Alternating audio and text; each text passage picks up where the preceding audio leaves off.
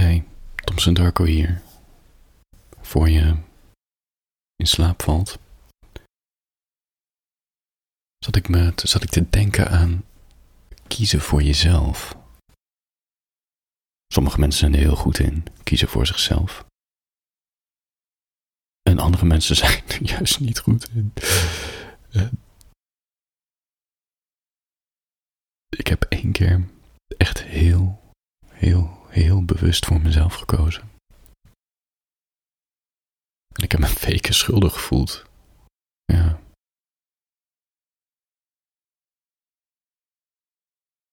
Het is zo vreemd. Het is dat spel tussen autonomie en je verbonden voelen met een groep. En ja, als je kiest voor jezelf, dan hef je die verbondenheid op. Wat dus blijkbaar een schuldgevoel geeft.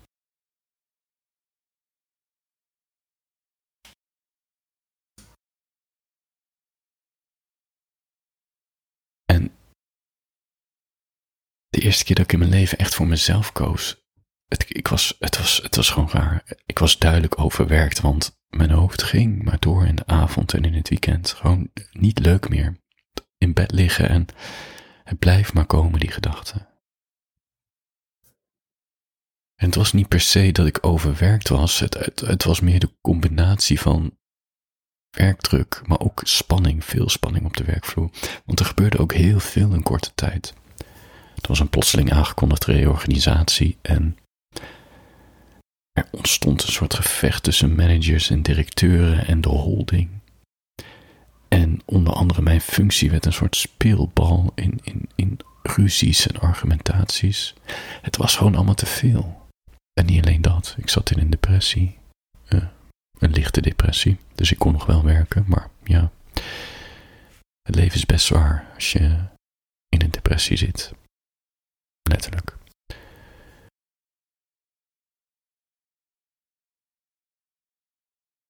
Ik had een week vrij.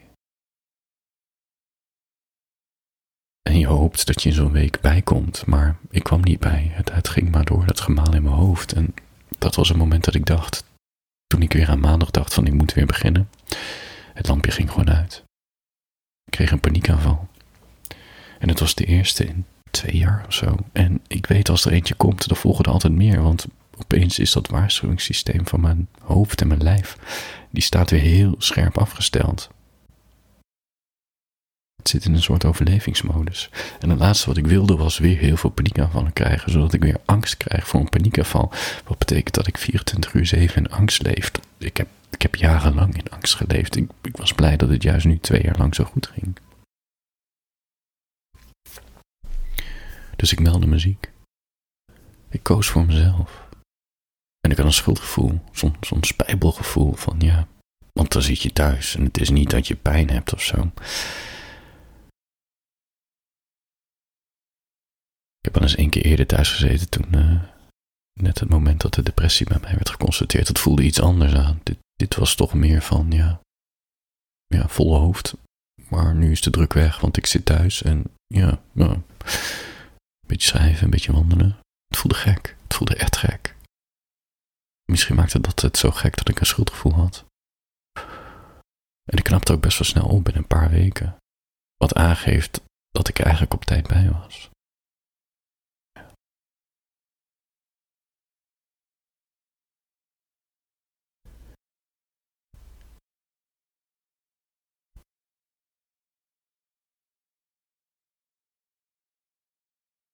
Goed afgelopen. Die weken thuis heeft me veel inzichten gebracht en ik ben daarna iets anders gaan doen op werk. Um, wat uiteindelijk de aanloop is geweest naar uh, het, uh, mijn werk opzeggen om uh, fulltime Thompson Darko te zijn. Dus terugkijkend erop was het een hele goede beslissing, ondanks het schuldgevoel. Gekke. Voor je gaat slapen wil ik nog even wat voorlezen. Even kijken hoe het verhaaltje heet. Is dit liefde, heet het. Uh, het gaat over als je ouders alles voor je betalen. Ik kan alles worden, maar ik weet niet zo goed wat. Het scheelt dat ik er mijn hele leven over kan doen.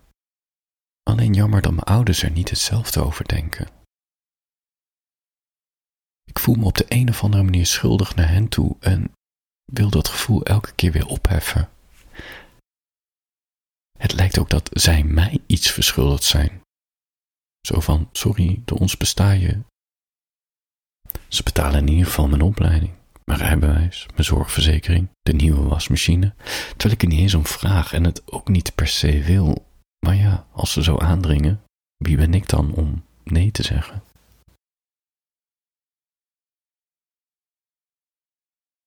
Hoe moet ik deze gebaren interpreteren? Bedoelen ze het meer van we werken zo hard en verdienen zoveel en daarom geven we het allemaal maar weer terug aan jou, omdat dat ook liefde is? Geld uitgeven?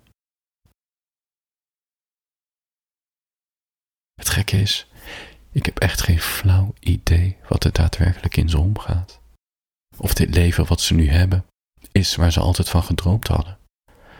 Werken, werken, werken en al het beschikbare geld aan mij en mijn broers en zussen geven.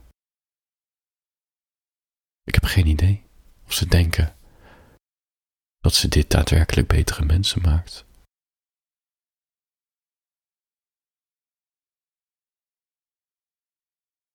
En of dat constante gezeur om mijn gebrek aan keuzes daadwerkelijk hun grootste angst is.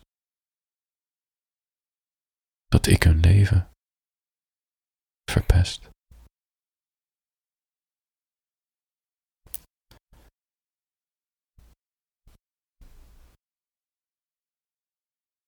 Hier stopt het verhaaltje.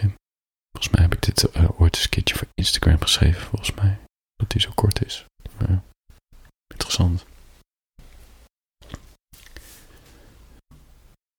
Ik merk nu bij dit uh, heroplezen dat dit een thema is die best wel veel in mijn schrijfwerk terugkomt.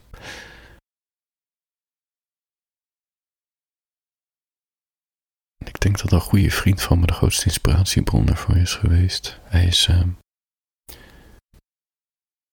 hele goede relatie met zijn moeder. Dat heb ik ook van dichtbij gezien. Die twee snappen elkaar heel goed. En de relatie met zijn vader is, uh, ja. Het is een relatie die ik heel veel zie bij mijn vrienden.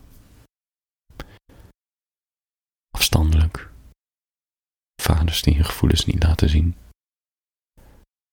En de een gaat er op een betere manier mee om dan een ander. En, en die, goede vriend van me, die, ja, die heeft het best wel daar zwaar door gehad.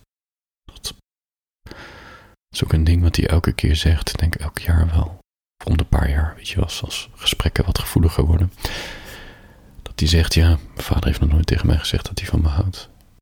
Terwijl hij wel zijn liefde uit door heel veel spullen te geven aan hem. En terwijl hij heel erg zit van, ja, die kan wel weer al die dure spullen aan mij geven, maar wat moet ik ermee?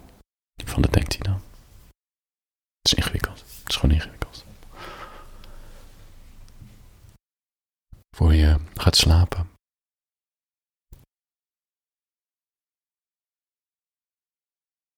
Ik zat nog even door te denken aan. Toen ik, me voor de, toen voor de eerste keer voor mezelf koos en me echt ziek meldde. Niet me echt heel bewust voor mezelf koos, laat me zeggen. Er zit iets geks in het dilemma kiezen voor jezelf of je goede eigenschappen inzetten voor anderen. Snap je? Het laatste maakt je geliefd, want je helpt anderen. En het eerste maakt je in zekere zin een egoïst.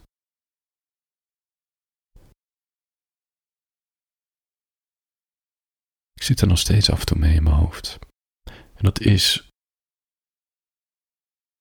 dat ik besef dat ik mijn werk, dat ik goed werk heb gedaan op kantoor. Alle baantjes die ik had. Mensen waren blij met, me, met mijn inbreng en mijn creativiteit. En tegelijkertijd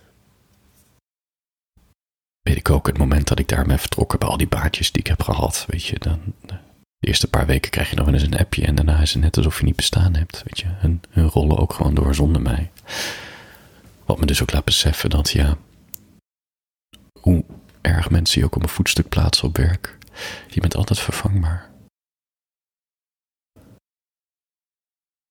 Maar ik had ook echt het idee, en misschien is het wel een soort voorwaarden die we altijd in ons hoofd creëren om ons belangrijker te maken dan we daadwerkelijk zijn. Van het idee van ja, ik kan echt wat betekenen voor anderen. Ik kan echt een verschil maken.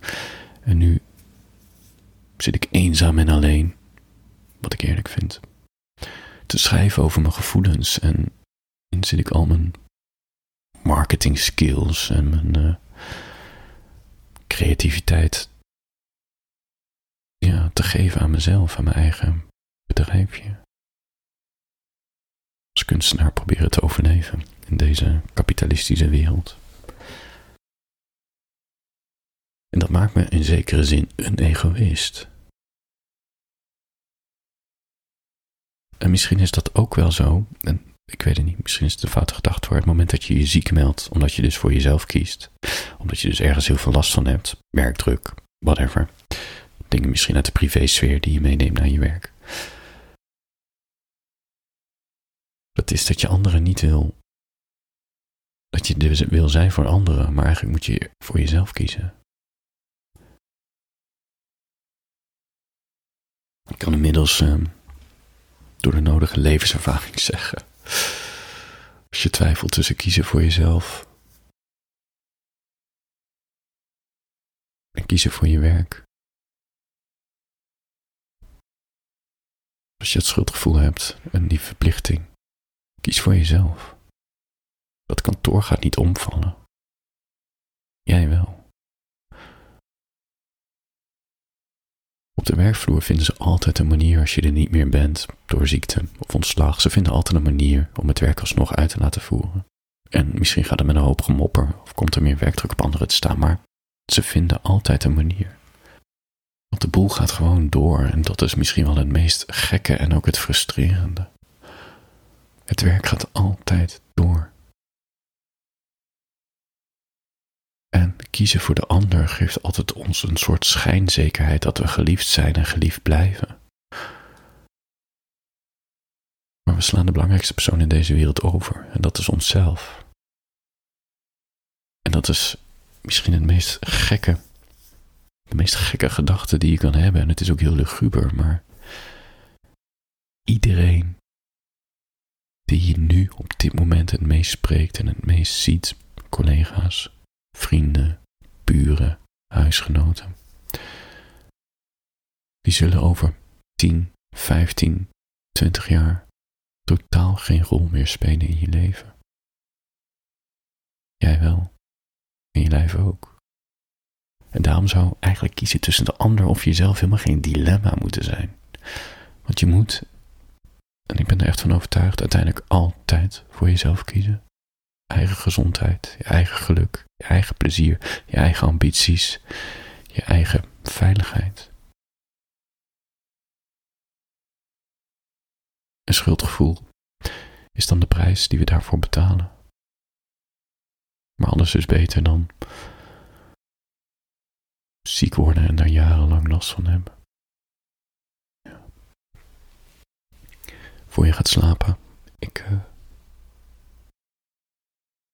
Ik wens je een fijne nachtrust toe. Morgen een nieuwe dag.